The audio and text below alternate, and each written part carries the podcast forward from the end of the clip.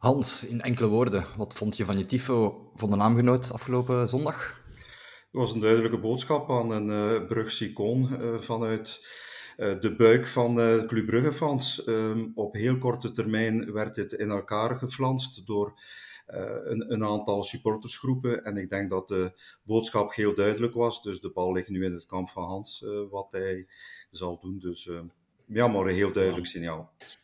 Bluven Hans niet gaan. Ja. Uh, hierover en veel meer vandaag in de klokken. Nu Perens iets vinden, dat gebeurt ook. Perens iets, één keer trappen. Schitterend open.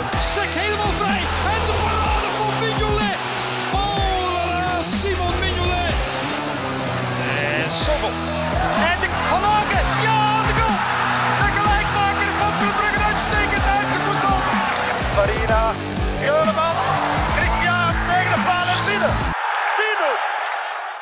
welkom bij de Klokken Podcast. Nog steeds de podcast voor en door Club Brugge supporters. Hans had ik al vernoemd en hebben jullie al gehoord. Maar ook Matthias is bij ons vandaag. Uh, welkom Matthias. Heb jij genoten yes. van uw zondag? Bedankt, uh, bedankt Jens. Heel blij om terug te zijn. Absoluut. Ik was, ik was ook effectief live commentaar aan het geven voor de Blindentribune. gisteren namiddag samen met mijn compaan Nicolas Fivet en Quentin. heel tevreden om erbij te zijn.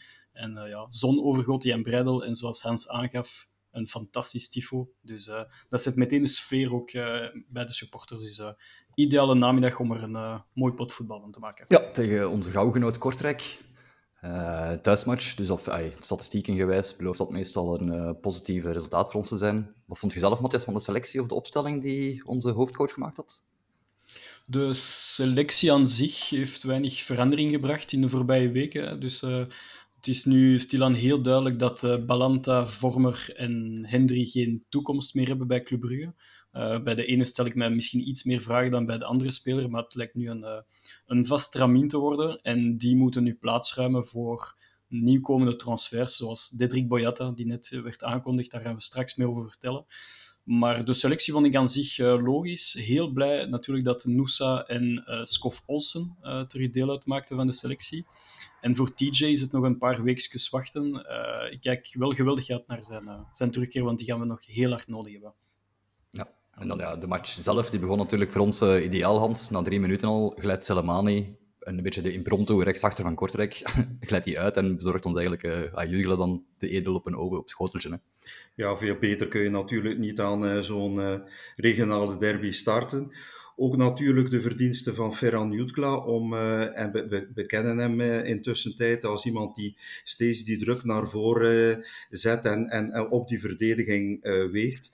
En er in feite heel snel bij was om dan ook nog op een prima manier af te ronden. Dus ja, de ideale start voor, voor Club gisteren. De eerste helft, de rest van de eerste helft liep ook een beetje voor mij in een kabbelend tempo. Dus ay, een beetje wel met aanvalsgolven, maar toch iets te weinig concrete aanvallen nog zelf, vond ik.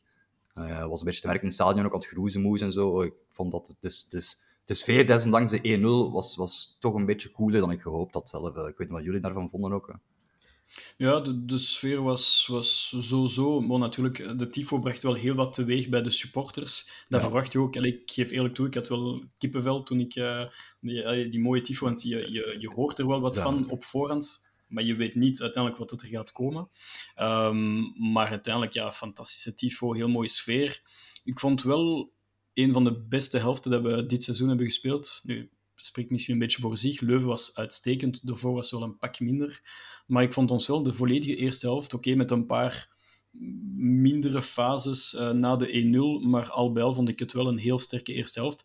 En als je zoveel ja, Illich in actie ziet, ook bij de, bij de samenvattingen bij Eleven Sports, dan kunnen we, mocht het 4 of 5-1 zijn bij de rust, dan is het zeker niet overdreven. Dus we misten wat efficiëntie. Maar aan de andere kant, we weten allemaal dat Marco Ilic een uitstekende keeper is uh, naar Jupiler Pro League normen. Ja, klopt, ja. ik had het zelf ook opgeschreven. Skof nog steeds een scherp vizier, maar het was een sterkere Illich. Dus dat is inderdaad exact wat je. Hè. Ik vond Skof zeker zijn afwerking ook niet slecht. Uh, zijn schoten waren echt goed. Maar het was echt een heel erg goede keeper. Uh, ik weet niet, Hans, wie, viel er, viel de Vroom nog verder op in de eerste helft? Well, ik vond, om even toch uh, in te pikken op uh, wat Matthias daarnet zei, ik vond dat je vanaf het eerste moment voelde dat club die wedstrijd controleerde en dat er ons weinig kon gebeuren. In feite, het was de ene aanvalsgolf na de andere. Misschien niet zoveel concrete uh, kansen, maar uh, Illich moest zich toch wel enorm onderscheiden op diverse schoten. Dus het was eigenlijk een, een kwestie van tijd voor die bevrijdende 2-0 zou vallen. En dan, ja, op die ene counter, al of niet, die bal volledig buiten of niet.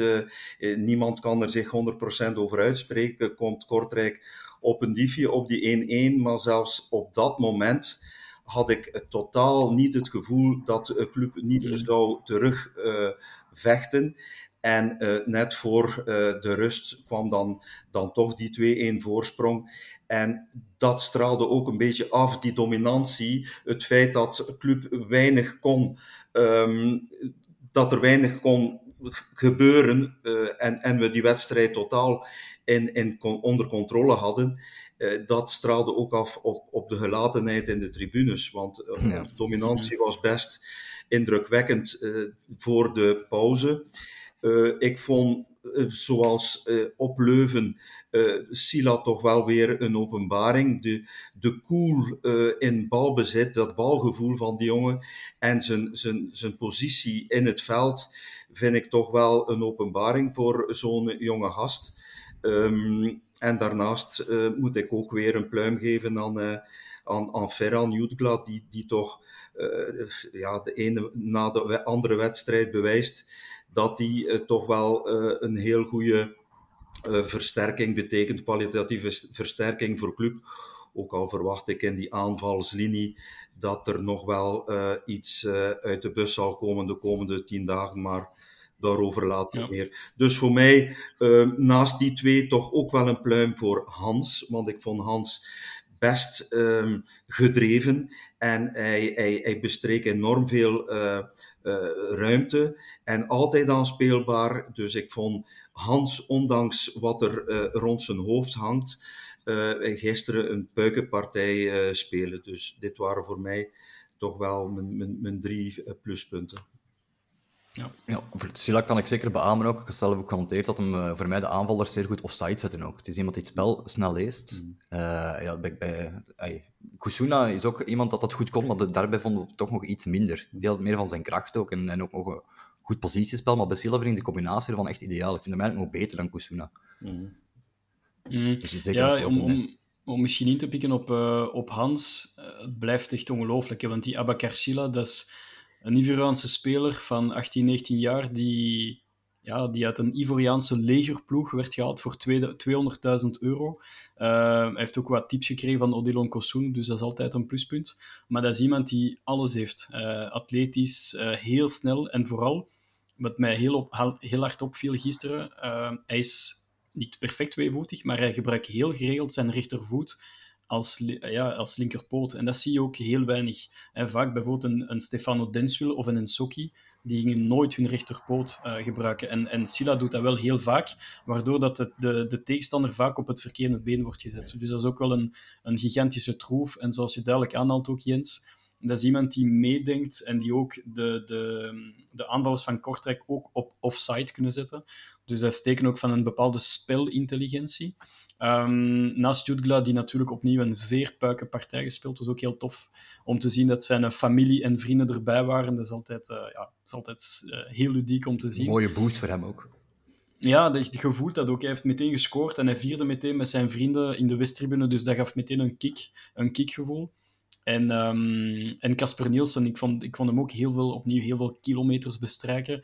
En je voelt dat met de week dat hij zich meer en meer goed voelt in het systeem. En ik denk, zoals uh, ik denk Filip Joos het, het uh, heeft aangehaald in 90 Minutes, uh, Nielsen is iemand die heel veel ruimte moet geven op het middenveld. En dan kan hij zijn ding doen, zowel verdedigend als aanvallend. Ik ben ook heel nieuwsgierig naar wie club zal halen op het middenveld op het einde van de Mercato.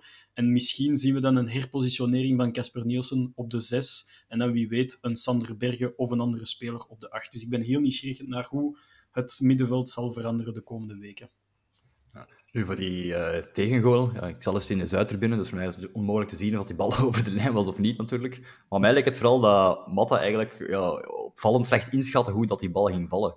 Of is dat dan iets dat ik fout ingeschat van de Zuidtribune? Want ik vond het echt opvallend dat hij daar precies gewoon ja, langs ging. Of, of, of helemaal verkeerd inschatten wat de speler ging doen, of de bal of zo. Uh, het is echt onmattas, vond ik, die, die tegengoal.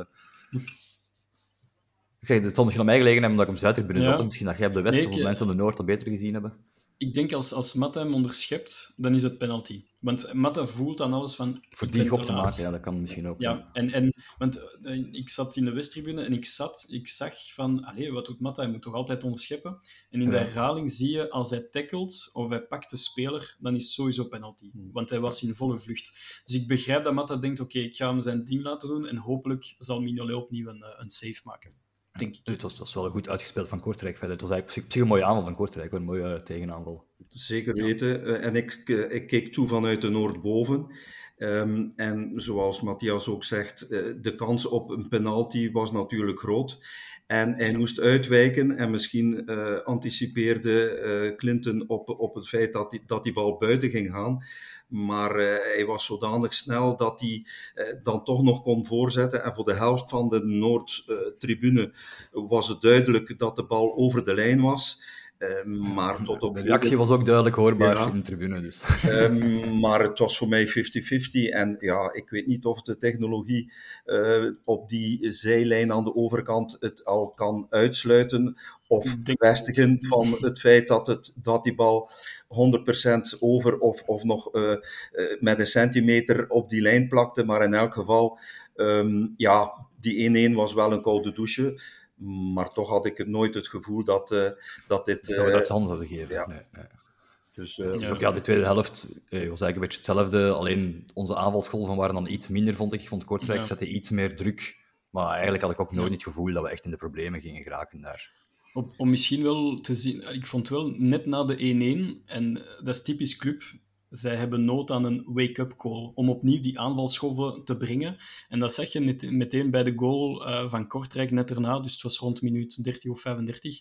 En dan zie je die laatste 10 minuten van de eerste helft, dat de clubspelers denken van oké, we mogen absoluut niet um, tot aan de rust komen bij een 1-1 gelijkspel. Mm. Dus uh, je voelt ze heel dwingend, uh, heel dominant naar die 2-1 toewerken. Uh, ik denk dat we een stuk of drie, vier open kansen hebben gehad tijdens die, die korte periode.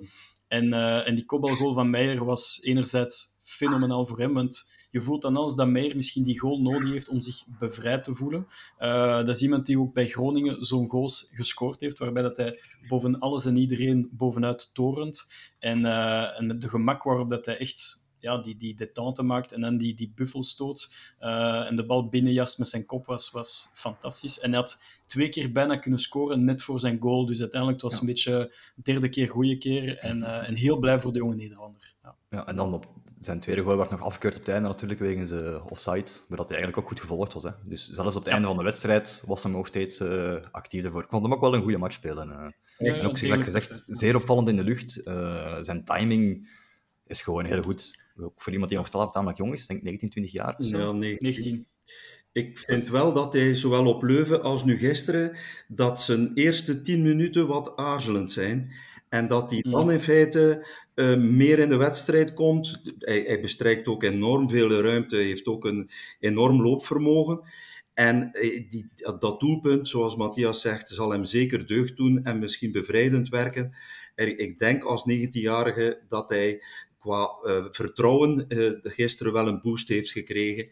En na de wedstrijd, als je het filmpje bekijkt op, op de clubsite, zegt hij ook uh, dat het hem deugd doet om in dit stadion zijn eerste doelpunt te maken. Dus ik denk dat Bjorn Meijer gisteren inderdaad eindelijk vertrokken is voor een, een, een mooi seizoen bij, bij club.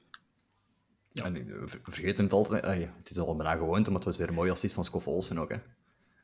Met zijn minder goed, was, uh, met, van hem, hè? Ja, niet met, links, maar met rechts. Hè. Dus, uh, ja. ja. een mooi chipje, ja. dat was echt uh, mooi geplaatst. Ja. Ja. Hij wist dat Meijer er ging staan, of, of dat er iemand ging staan, en dan kan het binnen. Maar heeft hij, heeft hij überhaupt een mindere voet, hè, Skof? Want als je, ik denk altijd aan die voorzet op Union, op, ja, op Van Aken. Dat, ja, dat ik denk, als hij zijn schoenen omgekeerd aandoet, dan heeft hij twee mindere voeten, maar anders niet. Dan... maar zijn eerste bal doet hij altijd met links, hè? dus hij, hij gaat dan ook nog ja. naar binnen. Dus dit zal zijn, zijn, zijn beste voet zijn, maar ik denk dat hij twee voetbalvoeten heeft. Dus uh, hij heeft dat al bewezen ook op uh, vorig seizoen. Hè? Ja. ja, het doet een beetje denken aan Perisic. Dat was ook iemand die... die links, rechts maakte niet zoveel uit. Was wel rechtsvoetig, maar zijn linkere voet, zijn mindere Hmm. linkere voet, was uiteindelijk een fantastische tweede voet. En dat is perfect om die actieradius nog breder te maken, want dan denkt de verdediger, gaat hem nu buitenom, binnenom, je weet het niet. En dat maakt uiteindelijk dat je nog meer kans hebt op een mooie voorzet of een schot naar doel, dus ideaal. Ja. Ja. Eh, en ik denk dat eh Outdoor op het einde ook een kwartiertje gekregen heeft. Of iets meer dan een kwartiertje. Ik vond hem wel ook wel aanwezig invallen. Het is niet dat hij zich wegstopte. Het is natuurlijk ook niet Ja. zijn debuut of zo, maar toch eh, is het altijd goed voor een ja, jongeling die de, kans ingrijpen. Hè. Nee, en- zoals, zoals ik eh, daarnet heb aangehaald, een, een Balanta wordt nu duidelijk aan de kant geschoven. En ik denk dat dat met een bepaalde filosofie erachter zit om jonge spelers à la eh Lint Outdoor, om die ook de kans te gunnen, om, om, om ook hun minuten te maken. Ik weet dat eh, de staf en Karel ook heel grote fan zijn van, van Lint Outdoor. Dus ik denk wel dat we die jongen nog heel vaak gaan zien. Ehm, het is een keuze. Oké, valt de keuze te verdedigen dat Odoi eh, die kans krijgt en Eder Balanta die kans niet krijgt? Dat is natuurlijk de grote vraag. Eh, ik ben altijd een grote Eder Beast eh, fan geweest, maar voilà. ik zal het zoals bij Rika zal ik het wel heel spijtig vinden als hij straks onze, onze mooie club verlaat, want ik, ik vind dat nog altijd een, een beest van een verdedigende middenvelder die misschien niet uitvoetballend de allergrootste kwaliteiten heeft, maar die wel een portie defensieve kwaliteiten kan brengen. Ja, maar ja, kernen moeten beperkt blijven, hè, Matthias. Kunnen niet iedereen houden. Dat is waar. Keuzes moeten gemaakt worden. En als de match Ja. gewonnen heeft, dan heeft de coach gelijk. Hè. Ja, ja, nee, nee, absoluut. De coach heeft gelijk. Maar ik vond wel onze tweede helft een, een heel, heel stuk minder dan de eerste helft. Want je zei het, het viel Ja. nog mee. Ik, ik vond persoonlijk de tweede helft een beetje bedroevend. eh, bij sommige momenten, soms wel een beetje een opflakkering. Maar als je ziet het gemak waarbij dat KVK ons fysiek heeft afgetroefd de laatste 20, 25 minuten, dat vind ik niet normaal. Club Brugge is geroemd om zijn eh, fysieke kwaliteiten, om de laatste kwartier het verschil te maken. Dat, dat heb ik persoonlijk gekend onder, in, tijdens de Sovjetjaren en eind jaren 90. En dat vind ik nu totaal niet meer terug. Langs de andere kant denk ik ook dat Hoefkes nog een beetje bezig is in een soort van opbouwende fase. Blijkbaar zijn de trainingen ook heel pittig, waarbij dat misschien bepaalde spelers een beetje oververmoeid eh, aan de aftrek komen. Dus dat kan een, een bepaalde uitleg zijn. Maar ik verwacht ook dat ze de komende weken en maanden weer het verschil kunnen maken richting het einde van de wedstrijd. Even aanvullend, ik, ik, had, ik vond het frappant dat in zijn persbabbel na de wedstrijd dat Karel aangaf dat precies de helft van de spelers eh ging ten op eh, de gedachte om die 2-1 vast te houden en de andere helft nog die derde en, en beslissende eh, doelpunt wilde maken. Dan vraag ik me af, tijdens de rust sta je al 2-1, dan is het toch aan eh, de technische staf om, of aan- om aan te geven van kijk, eh, gasten, we spelen thuis, we gaan vol voor die 3-1. En dan kun je inderdaad denken om die 3-1 vast te houden. Maar eh, ik, ik had toch verwacht dat die elf spelers wel één tactisch plan in hun hoofd zouden hebben en niet 50-50. Dus dat vind ik een beetje jammer. Maar goed, eh, de drie punten zijn binnen. We hebben 10 op 15. We zijn mee met de rest. Ehm, dus eh, al bij al, na die 4 op 9, was iedereen een beetje down en werd er al eh, eh, geroepen om, om, om eventueel Karel uit zijn functie te ontslaan. Twee speeldagen verder ziet de wereld er al heel wat rooskleuriger uit. 10 op 15 en we zijn mee met de rest. Dus eh, geen man overboord. Maar tactisch vond ik het een beetje raar dat de spelers in, in twee groepen waren gedeeld.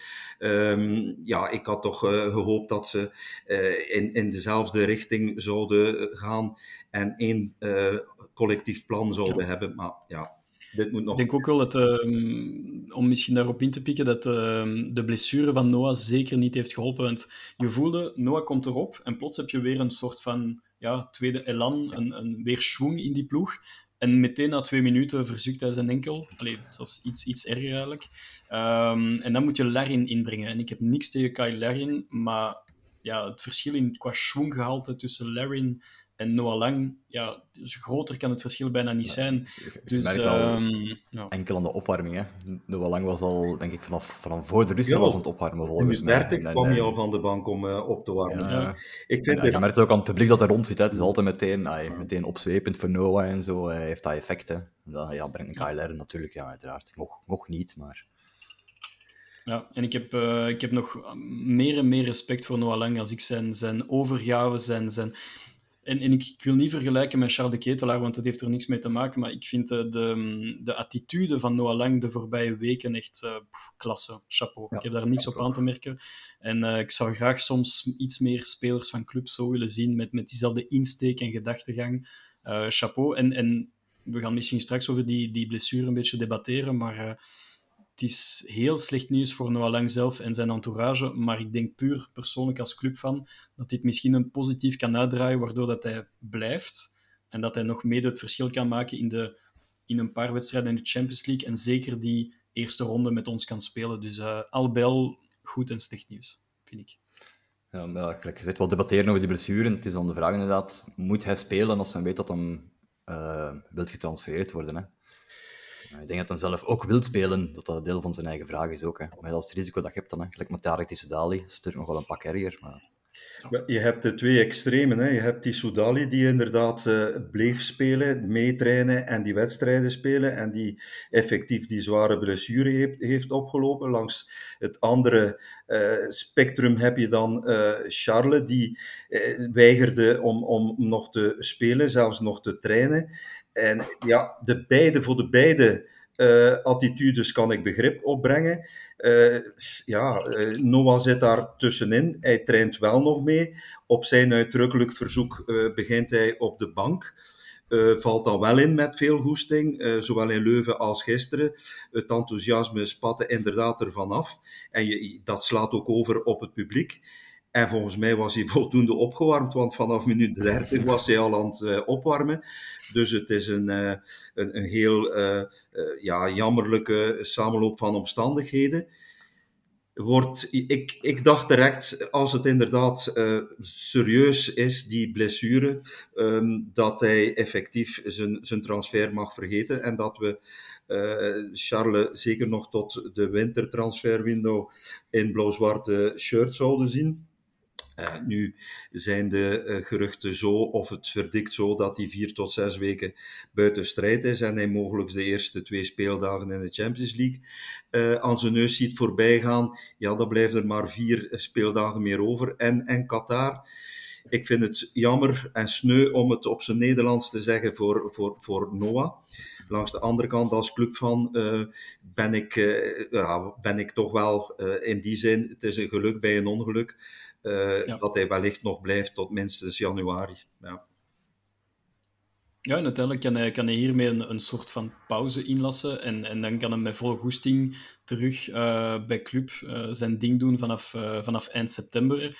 En kan hij dan fris als een hoentje, aan, wie weet, aan Qatar meedoen met Nederland onder Louis van Gaal. Dus Albel, hij ziet het nu natuurlijk als een geweldig uh, slechte nieuws, maar misschien zal hij er anders over denken binnen een maand of twee. Dus uh, het kan er plots helemaal rooskleurig vooruit zien voor Noah. En zoals Hans heel duidelijk zegt, als clubfans, het is een beetje egoïstisch ingesteld, maar wij zijn wel blij uiteindelijk dat hij blijft, denk ik. Wat dan mij ook nog opviel met de blessure van Noah Lang, is dan een beetje... Uh, het is natuurlijk normaal het altijd rivaliteit tussen ploegen en zo, maar het leedvermaak op sociale media, dat stak me echt wel tegen, moet ik zeggen van de supporters van andere ploegen dan. Hè. het is gelijk Matthias zegt, Noah Lang, vorig jaar was hij inderdaad een beetje een deugniet, maar deze zomer is hem echt, ja, zijn ja. attitude en zijn houding super volwassen geworden. Ik begrijp niet goed waar dat leed van Mark de vandaan moet komen.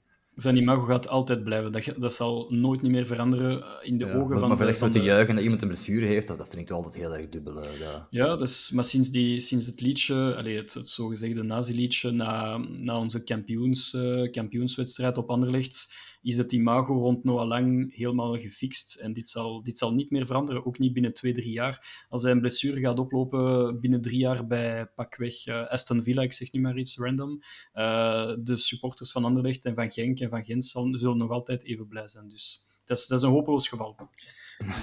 Plus aansluitend, hij heeft natuurlijk ook in dit interview tussen beide seizoenen doorgezegd van kijk, ik heb de Belgische competitie sexy gemaakt en in feite ben ik klaar met de Belgische competitie, ik wil hogerop. En natuurlijk, supporters van andere ploegen gaan dit aangrijpen als zijnde hij arrogant en dikke nek en hij voelt zich te goed voor de Belgische competitie en dit is karma. Hij heeft het over zichzelf afgekondigd. Maar ik, ik, ik, ik vind Noah uh, een, een zalige speler om, om, om in je, je, je ploeg te hebben. Hij straalt het ook uit, die clubliefde. Hij wordt op handen gedragen en laat die andere fans. Daar moeten we ons echt boven kunnen ja. stellen. En dit is ook een teken van onze dominantie in, in de Belgische competitie. Dat ze Noah in feite als een beetje het symbool zien van, van Club Brugge en hem extra uh, negatief uh, op social media bejegenen. Ik vind uh, dit net goed is voor de figuur Noah Lang. En ik denk dat hij dit ook daarop teert. Als je ziet op Leuven bijvoorbeeld, hij wordt bij het eerste balcontact al uitgejouwd. Hij, hij, dat geeft hem energie, denk ik. Het, het, het trekt hem niet naar beneden. Mm. Dus uh, het is iemand, je kunt er niet um, neutraal tegenover staan. Als clubfan zijn we enthousiast en, en uh, ja, als, als tegenstander van Club Brugge uh, wordt uh, door het slijk gehaald ja. en, en gegaat. En, en, ja. Dus ja, en de, het is en zeker... Ik, en ik denk dat, ik denk dat neutrale supporters ook echt het spel van Lang kunnen smaken. Uh, maar zoals Hans zegt, is, er is geen neutraliteit. Het is, je hebt het voor Noah of je hebt het helemaal niet voor Noah. Maar dat hij veranderd is in zijn attitude sinds deze zomer, dat is overduidelijk. Want hij werd gezocht in Eupen, in Leuven, bijna in elke wedstrijd van club sinds dit seizoen. En nooit heeft hij gereageerd. Behalve natuurlijk na die penalty, maar dat was ludiek. Maar puur reageren op een medes, op een tegenspeler of een, of een coach van een andere ploeg of van een supporter in de tribune, dat heeft hij helemaal afgeleerd. En dat maakt hem eigenlijk nog beter, vind ik. Ja, akkoord wel. Wat dan mij nog uh, misschien iets ludieker, wat dan mij opviel in de tweede helft, was uh, Mignolet zijn petje mee naar de goal. Maar hij heeft het niet gebruikt, jammer genoeg. Ik had het wel een keer willen zien. Hij stond wel echt goed in de zon, maar... Ook niet gezien. ik ben nog altijd aan het wachten op ik eens zijn petje gebruikt, maar... Je maakt er wel een item van, hè, Jens? ik weet niet wie dat vorige keer nee, dat het Nico was, maar... ja, het was Nico, het was Nico, juist. Ja. Maar ik heb erop gelet nu en dat had inderdaad mee zijn petje. Ik dacht van, ah, oké, okay, interessant. Jean, Jean Buté had hij wel gebruikt uh, vorig seizoen. Ja, had hij dat wel aan? Nou, ja, kijk, verlassen. Maar ja. de zon stond echt in zijn ogen, dus hij kon het ook wel gebruiken, hè. Dus ja, allee, ja. Maar oké, okay. hij had het niet nodig. Uh, dan misschien al even voor uh, dit gedeelte af te ronden dan. Hè. Ik had hier nog genoteerd ja, of dat het de laatste dans van Hans was. En de, de laatste Limburgse wals, de laatste Sirtaki van Van Aki. Of dat we hem gaan terugzien of niet. Ja, wat mij betreft, als, als clubfan uh, wil je natuurlijk uh, dat hij nog blijft. Langs de andere kant, het is niemand die daar nu een zinnig antwoord kan op verzinnen. Het is 50-50 wat mij betreft. Gaat hij richting Londen, blijft hij? Het is moeilijk in te schatten. Natuurlijk, niemand kan ontkennen wat uh, Hans voor Club Brugge betekent. En uh, het, het, zou wel een einde betekenen van een, uh, ja, een, een, een periode, een glorieperiode. En mocht hij effectief die stap zetten, en ik denk dat iedere club van Hans die stap wel gunt, maar zoals we aangegeven hebben, we blijven clubfans en we zouden het liefst Hans nog vele jaren in ons shirt zien verder voetballen. Maar ja, hij is 29, voor, uh, woensdag 30. Ja, dat is een stap. En, en het, het, zal te zien zijn in welke mate dat Club Brugge een vervanger op zo'n korte termijn ook kan vinden. Um, ja, het, zijn spannende, het is een spannende week uh, wat betreft inkomend en uh, uitgaand ja. um, transferverkeer. Dus uh, ik ben benieuwd. Eén, naar wat rond Hans zal gebeuren. En twee, wie we dan eventueel in de plaats krijgen nog op andere posities. Wow. Dat is meteen een mooie segue naar het topic van de week, Hans. Dus bedankt daarvoor. De transfergeruchten. Ja, of de vind... net bekendgemaakte transfers. Maar zeg maar zo, Matthias. Ik vind op zich, ja, ik ben helemaal eens met, uh, met Hans. Um, ik zeg het niet snel, maar ik ben het ook eens met Mark de Grijze. Uh, ik heb zijn, zijn, uh, zijn column gelezen over Hans en ik moet zeggen dat hij, um, ja, dat hij over, over alles gelijk had. Um, ik vind dat club zich moet opstellen. Ik denk dat wat belangrijk is voor Hans van Aken, is dat club zich wel uh, open opstelt ten opzichte van West Ham. Twee jaar geleden wilde West Ham Hans van Aken en toen heeft de club gewoon gezegd van nee, en dit is jouw contractverlenging en loonsverhoging. Hier wil Hans vooral dat club rond de tafel gaat met West Ham, wat ze momenteel aan het doen zijn.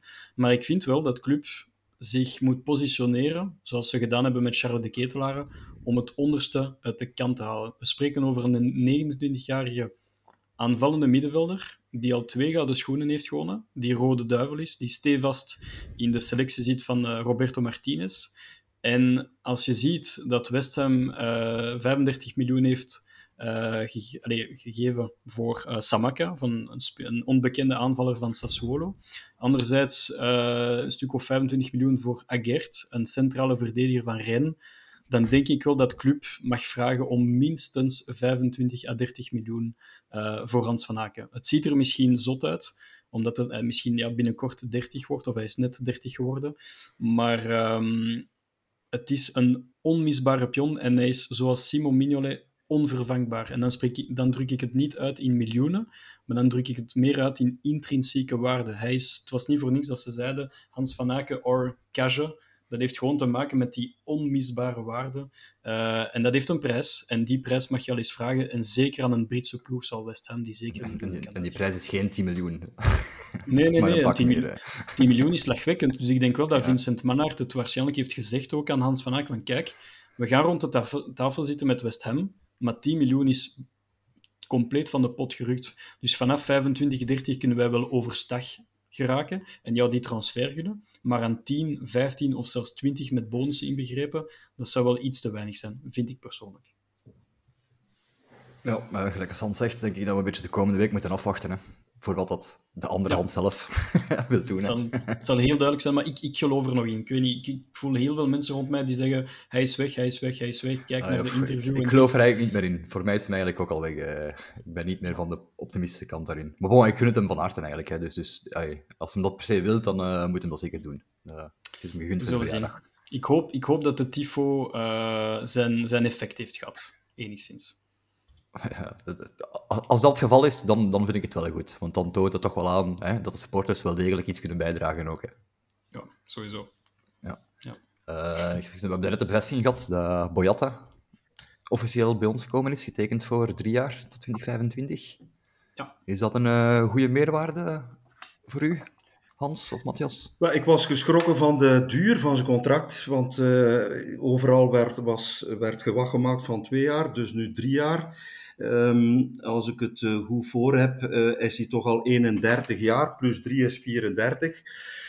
De, uh, hij heeft 300 wedstrijden gespeeld op profniveau um, bij Man City, Celtic, Hertha Berlijn. Dus niet van de minste ploegen. Um, hij heeft die voorbereiding meegemaakt bij een fysisch sterke ploeg als Hertha Berlijn. Dus ik denk wel dat hij op fysiek vlak of fysisch vlak klaar is om te wedijveren met Mechelen wellicht, Brandon in, in centraal in die verdediging. Um, zelf kan ik hem moeilijk inschatten. iedereen verwijst en refereert naar zijn wedstrijden voor de Rode Duivels.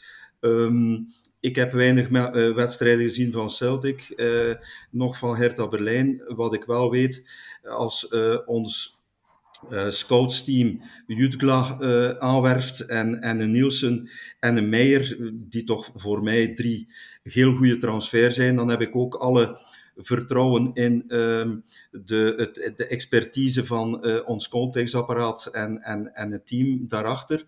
En ik vind het een beetje het nieuwe normaal dat um, spelers nog voordat ze één minuut um, voor Club Brugge hebben gespeeld, op basis van beperkte informatie worden afgebrand door, door Brugfans. En daar stoor ik mij uh, enorm aan. Uh, want als ik zo'n beetje de social media en de reacties op die um, transfer uh, erop nalees, dan merk ik vooral veel uh, negativiteit en scepticisme rond de transfer van toch een Belgisch international wat ik niet begrijp. Voor mij heeft iedere speler die het clubshirt aantrekt mijn vol, volste vertrouwen.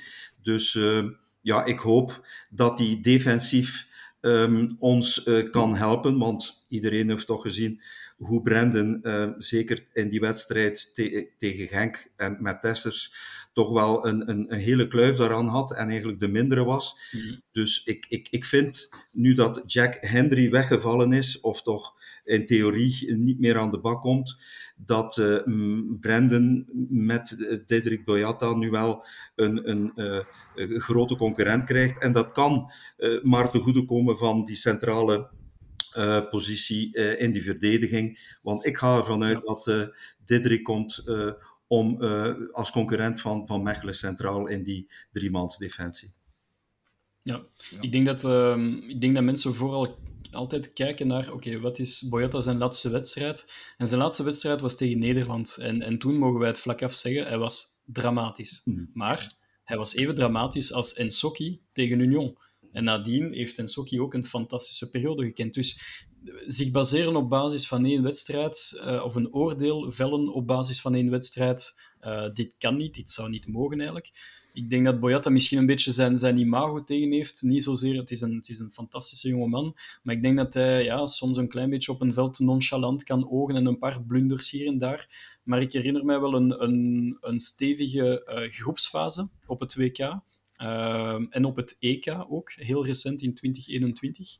Um, ehm, dat is iemand die vooral heel kopbalsterk is, zowel verdedigend als aanvallend. Dat is ook iemand die op corner zeker zijn meerwaarde zal kennen, zoals een Jack Henry uh, bij ons ook kon doen.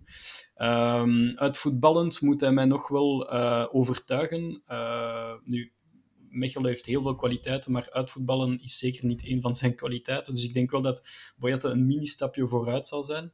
Maar uh, zoals uh, Hans zegt, dit wordt een heel, heel stevige concurrent voor Brennan Mechelen. En dit kan Mechelen enkel maar ten goede komen. Want we weten allemaal, Mechelen is een diesel. Maar dat is iemand die vaak op het einde van het seizoen, à la Olivier de Schacht, en ik zeg het niet graag, maar die wel uiteindelijk in de ploeg uh, blijkt te zijn. Maar ik zie Boyata als een goede transfer um, centraal tussen Silla en Mata, maar ik zie Boyata niet graag bezig op de linker centrale verdediger, want daar zit zijn kwaliteiten niet in mijn ogen. Dus laat maar komen, maar in concurrentie met Brennan Mechelen, die is van allemaal. Ja, ik denk dat ik akkoord ben met jullie beiden. Hè. Het is, uh, voor mij heeft die consistentie wel laten zien in Duitsland. Kapitein geworden. Uh, dat doet je niet zomaar. Ja. Het is uh, niet van enk enkele matchen goed te spelen, enkele matchen niet. Dat doet je er altijd te staan ook. Hè. En ook je ploeg te helpen, te begeleiden, aanwezig te zijn. Hè. En, en de matchen bij de Rode Duivels... Ja, de ja, matchen bij de Rode Duivels wat minder gingen. Het is eerder... ik vind de selecties van Roberto Martinez op dat moment sta ik altijd wat tegen ook is altijd zo experimenten van Roberto geweest. En Boyata was altijd een beetje slachtoffer van op dat moment. Dus dat is, ja. vind ik inderdaad ook geen goede referentie. Nee, sowieso. Er zijn ook veel supporters die, die denken van oké, oei, uh, Hertha Berlijn wil die heel liever kwijt dan rijk. Wat is het probleem? Maar het probleem is gewoon zijn, zijn hoog loon. Uh, dat is ook een item uh, bij, de, bij de clubfans van oké, waarom geven wij een op één na? Want blijkbaar zou hij de hoogste loon opstrijken na Simon Mignolet. En dat is misschien een tikkeltje hoger dan Hans van Aken, maar Nogmaals, dit moet nog blijken. Um, maar oké, okay, kijk, uh, de fees blijkbaar 2 miljoen euro. Uh, het is een international, dus we zullen zien. Maar Hans heeft volledig gelijk als hij zegt, uh, eens dat hij zijn clubtruitje aan heeft, dan moet hij gewoon het volste vertrouwen genieten van ons. En we zien wel waar, de, waar het schip staat. Voilà. voilà. Dus dat was een bevestigende transfer. Nu heb ik nog een hoop transfergeruchten natuurlijk. Ja, Matthias, transfergeruchten, dat is voor mij altijd een beetje uw winkel eigenlijk. Die van, die van Nico ook, hè? Die van Nico ook, maar die zijn nu niet bij, dus, dus nu komt de vraag bij u terecht. Hè. Heb je nog sappige nieuwtjes die uh, je kunt vermelden voor ons? Uh, niks dat niet in de media staat. Uh, dus kijk, ik, uh, ik hoop nog altijd heel stiekem op Sander Bergen. Ik vind dat nog altijd een, een... Hij zou een fantastische toegevoegde waarde zijn, samen met Casper Nielsen en Hans van Aken zijn vervanger, denk ik dan.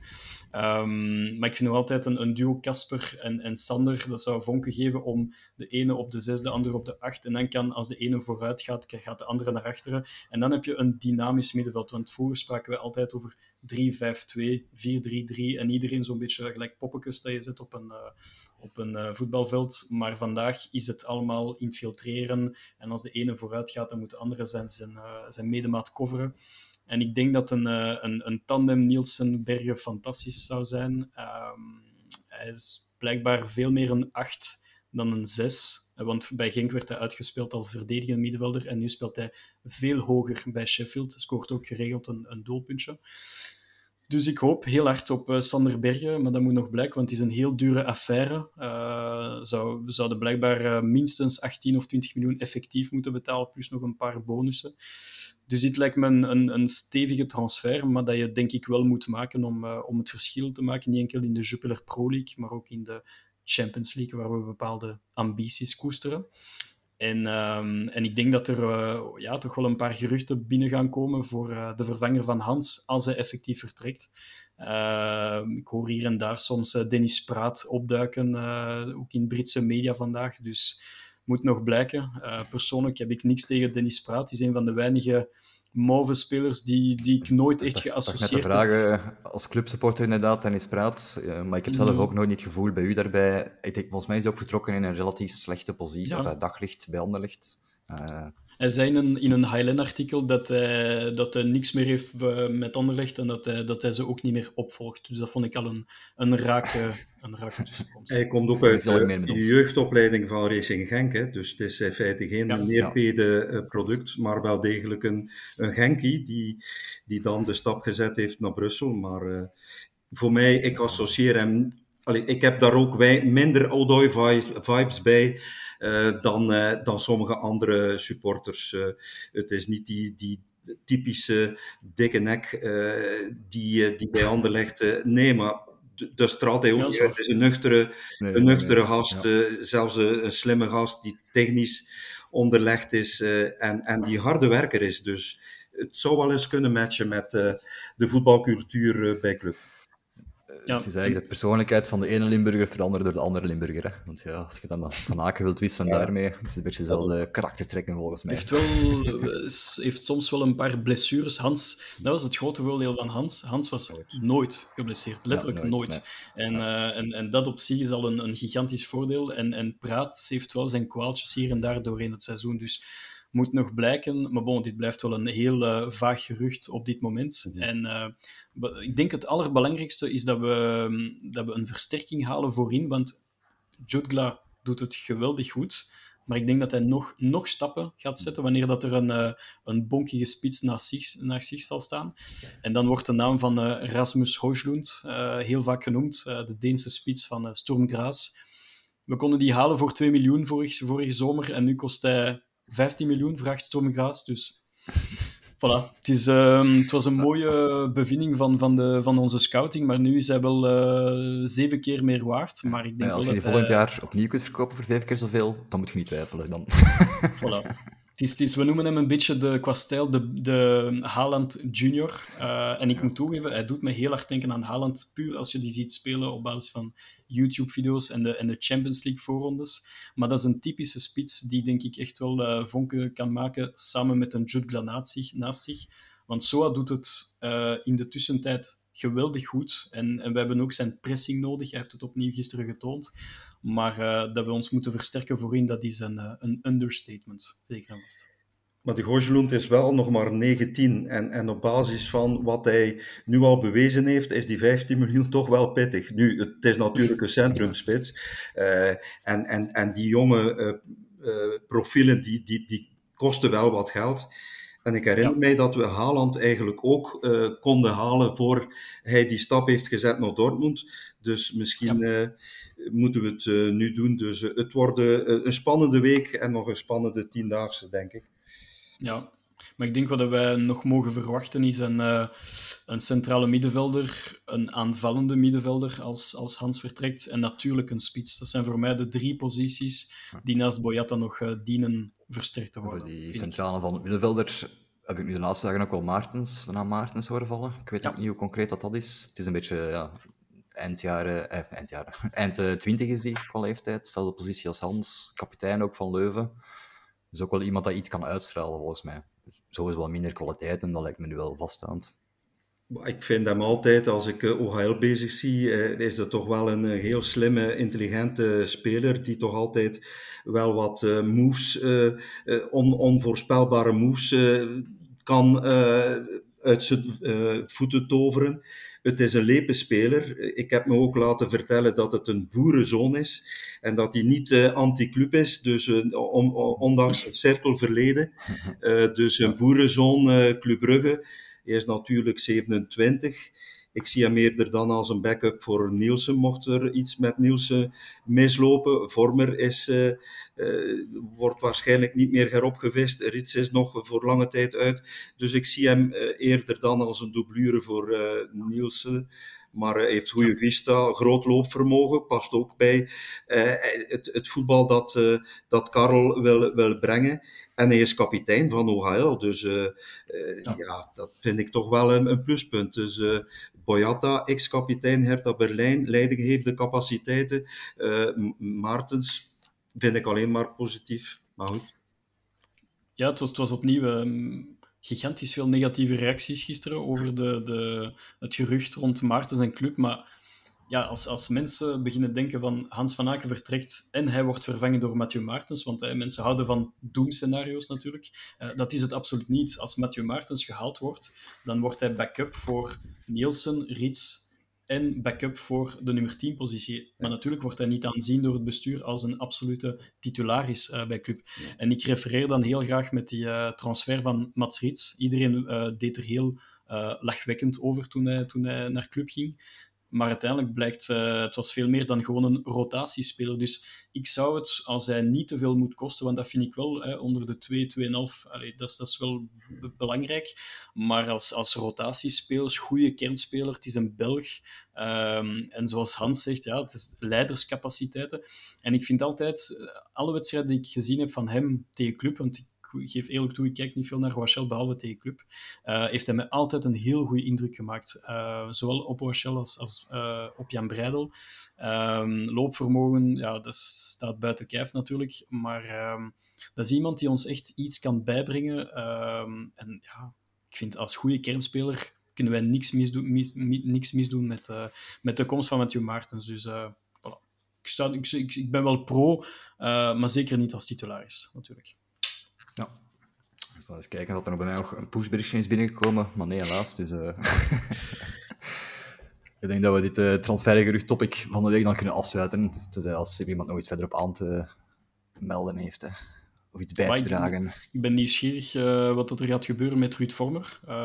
blijkbaar zou hij gesprekken voeren met geïnteresseerde ploegen. Dus ik, uh, ben benieuwd naar uh, zijn vertrek en, en, en de manier waarop dat hij gaat vertrekken ook. Um, en, en ja, Jack en Eder worden vriendelijk verzocht om een nieuwe club te vinden. Uh, ik vind het nog altijd spijtig in de zin van, ik heb het wel voor die twee spelers, dus dat speelt ook mee in mijn subjectieve mening. Maar um, ik snap wel de club dat ze bepaalde keuzes hebben moeten maken. Ja. Voilà. Oké. Okay. Zullen we een keer verder kijken naar het komende weekend, hè? Namelijk de match uh, op bezoek bij de Carlos in Charleroi. Komende vrijdag. Een van de weinige vrijdagavondmatchen dat we doen, denk ik. Uh, we hebben al eentje gehad, maar ik denk niet dat we er zoveel hebben nog. Ik denk wel dat we er nog een paar gaan spelen. Ah, met de Champions League wel natuurlijk. Thuis tegen Cercle, 2 september. De volgende thuiswedstrijd ja. is ook eentje op vrijdagavond. Ja. Yes. Uh, ik ben er altijd wel fan van, zo die vrijdagavondmatchen zelf. Ik weet niet of dat jullie daar uh, een andere gevoeling hebben. Als het resultaat positief is, dan is het uh, dat, dat we het weekend lekker achteroverleunen en, en zien hoe de rest eventueel steken laat vallen. Maar als het tegenslaat, is dat wel een, een, een start van het weekend in mineur. Dus, ja, dat is inderdaad wel een goede nuance. nu, op bezoek in Charleroi, dat is niet altijd even gemakkelijk natuurlijk. Hè? Nee. Het is, uh, Charleroi is een, uh, een, moeilijk te bespelen ploeg. Uh, op Montbourg spelen is nooit gemakkelijk, maar het is wel een van mijn persoonlijke favoriete aways. ik ga heel graag naar Montbourg. het is altijd een soort van Britse cottage sfeer die daar hangt als we daar naar gaan. En het doet me altijd denken aan die epische wedstrijd met vrij trap van Vormer binnenkant paal, allee, paal binnen. Ja. En, dus ik heb altijd goede herinneringen aan Montbourg, ook al verliezen wij soms daar punten. Maar ik, ja, Charleroi zit in de flow. Ze hebben net 1-3 gewonnen tegen, ehm, tegen Zulte Waregem. het was geen spetterende wedstrijd van de mannen van Ed Stil. Maar uh, het stil vind ik aan zich een goede coach. En uh, de ploeg is goed uitgebalanceerd, zoals elk jaar. Want ze doen daar gewoon goed werk uh, bij Charleroi met, met de middelen dat ze hebben. Ja. Dus het zal zaak zijn om opnieuw um, ja, goed bij de pinken te zijn vanaf minuut 1. En wie weet spelen wij dan zonder nummer 10. op dat ja. moment, dat zou zomaar kunnen. Dus ik hoop gewoon dat dat nog niet voor vrijdag is. Want dan hebben wij wel een probleem als we zonder aanvallende middenvelder moeten starten op Charleroi Misschien even aanvullend waarom Charleroi zo interessant is en zo sexy als, als clubfan. Dat is omdat het het grootste away-vak kent eh, van alle Belgische stadions. Dus Club Brugge krijgt, uh, ik dacht, 1400 uh, tickets. In het totaal kunnen wel 2000 mensen eh, achter het doel plaats uh, nemen. Uh, dus klassiek is dat inderdaad een, een, een away waar massaal veel clubfans naartoe trekken. Um, dat maakt het sexy. En ik vind altijd als we tegen een club moeten spelen die het weekend ervoor gewonnen heeft, dat de drang om te winnen dan altijd minder groot is de daaropvolgende wedstrijd. Dus ik was best tevreden met die 1-3 zegen van Charleroi gisteravond in Waregem. Dus, uh, en ik hoop dat we op ons elan kunnen doorgaan, ondanks alle transferperikelen die nog altijd uh, rond onze club uh, rondwalen. en we gewoon die derde overwinning op rij kunnen, um, kunnen realiseren. Ja. Voilà, het is dat. En dan zitten we aan een 13 op 18 en dan is dat een heel normale seizoenstart eigenlijk. Hè. Ja. Dan kunnen we dat, uh, dat eerste alweer vergeten, mochten we komend weekend winnen natuurlijk. Ja, het zal, uh, want Eupen was moeilijk, lag nog echt stevig op mijn maag. Uh, ik denk bij jou ook, Hans, zeker als je de terugrit ziet van, uh, van Eupen naar Brugge. Bij mij was van Eupen naar Brussel, maar bij jou was van Eupen naar Brugge. Dus, ja. Ongelooflijk dat zij de enige drie punten tegen ons hebben behaald en tegen ploegen als, als Serrain 1-3 thuis uh, ja. goal gaan. Ik, ik kan er nu goed. Het was een off-day, complete uh, collectieve off-day. En uh, we moeten vooruitkijken. En dat is ja. vrijdag. En ook nog donderdagavond, heren, de Champions League loting. Hè? Niet vergeten. Dus het is wel een, een, spannende week als club van. Ehm, dus ja. Een, een, heel spannende week. En, en hopen op een ja, wat mogen wij hopen eigenlijk? Van een, uh, ik hoop op een gunstige loting, zeker na die loodzware loting van vorig seizoen. Ik hoop nog altijd, en ik denk Hans dat jij met mij meehoopt op uh, Liverpool. Uh, ik, zou, ik, ik, zou het geweldig vinden om, om Liverpool te loten. En, um, en, dan een, en dan idealiter twee haalbare kaarten. Maar ik, ik hoop wel op een Liverpool. Dat, dat geef ik toe.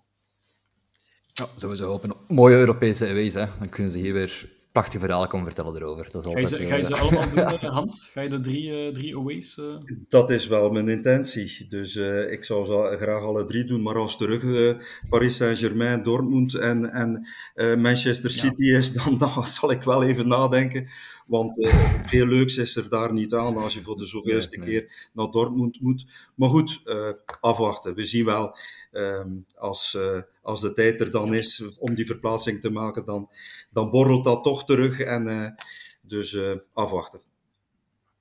Ik zie dat we nog enkele minuten over hebben, voordat ik moet afsluiten voor het drukke tijdschema van die klas te kunnen volgen. Hè. Dus ik ga even checken. Misschien nog grap een vraag. Hebben jullie naar de eerste twee Club Next matchen gekeken of kunnen kijken? Ik zelf, de Challenger League. Ik zelf heb een abonnement op uh, Club Next. Een mooie zwarte uh, kaart. Uh, heel mooi. Ter, volledig in de look en feel van, van Club Brugge. Um, dus ik ben live thuis geweest tegen de SL Seize, de, de, de, de ah, jeugdbende van, van Standaard. En ik heb integraal de wedstrijd op Lierse Kempenzone bekeken. En ik ben ook zondag om vier uur ben ik ook in de nest voor de tweede thuiswedstrijd tegen RWDM. Dus uh, ik ja. volg ze, want uh, het is toch onze toekomst. Dus ik uh, volg ze met argusogen. Ja. Voilà, nu de eerste twee matchen vond ik nog een beetje teleurstellend, maar bon, ook daar geef ik het ja. team graag de tijd voor te kunnen groeien ook, en aan elkaar gewoon te worden. Hè. Ik, heb, ik, heb, ook het gevoel dat, um, dat, bepaal, allee, dat de ploeg nog sterker kan worden met bepaalde beloftespelers die momenteel nog in de A-kern zitten die weer die overstap gaan maken in, uh, in, de, in de Challenger Pro League, uh, moet ik nu zeggen. Uh, wanneer dat bepaalde transfers gaan binnenkomen. Dus ik, denk allee, misschien een Sisse Sandra of, of, een andere jeugdspeler die misschien die ploeg ook kan versterken. En dat zou denk ik wel een, een wereld van verschil maken. Maar ehm, ja, het is altijd uitkijken naar een uh, Joël Ordonez, naar een Shion Homa en naar andere leuke, beloftevolle Belgen die, die ook het verschil kunnen maken. Maar dat het stroef verloopt in het begin had ik een klein beetje ingecalculeerd. Ja. Maar ik denk wel dat ze met de weken wel beter gaan worden. Ja. Voilà, het is dat. Oké, okay, dan, dan, denk ik dat we stilaan kunnen afronden voor deze week. Hè. Geen pronostiek, ah, nee, onszelf... Geen Het is dat, ik dacht net te vragen. Ik dacht net te vragen. Gaan we onszelf, gaan we onszelf jinxen door een pronostiek te doen, of gaan we het... Uh... we gaan het toch vergaan, ja. Allee, Hans, uh... Hans je moet beginnen. Ik ga voor een 1-2 overwinning uh, in de Stade de Pays. Dus 1-2 voor club. Oké. Ik ga voor 0-1 gaan dan. Een keer Simone clean sheet gunnen. Va. Ik ga voor een eh, doelpuntrijke match 2-3. 2-3, oké. maar we zien het alle drie goed zitten. Ik kan dus leven ik met zeggen die dat we gaan verliezen. Dan wordt het een mooi weekend. Voilà, Ja, voilà. inderdaad. Dan kunnen we op ons gat zitten zaterdag en zondag. Perfect. Zo, voilà. Dus nu kan ik wel stilaan afronden voor deze week. Hè. Eh dan rest me enkel denk ik nog reclame te maken voor onze social media profielen. Eh, dus vergeet zeker niet te abonneren op de Klokkenpodcast, zowel Spotify, YouTube, alle andere kanalen. En te raten, sterretjes te geven. En dan eh, kunt je het altijd meteen terugvinden. Hè.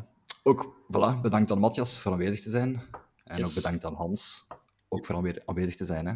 En dan zie ik iedereen graag terug. Tot de volgende keer. Hè. Volgende week. Yo weer eens iets vinden. Dat gebeurt ook weer eens iets. Eén keer trappen. Schitterend lopen Sek helemaal vrij. En de parade van Mignolet. Oh, Simon Mignolet. En sommel. En de Van Ja!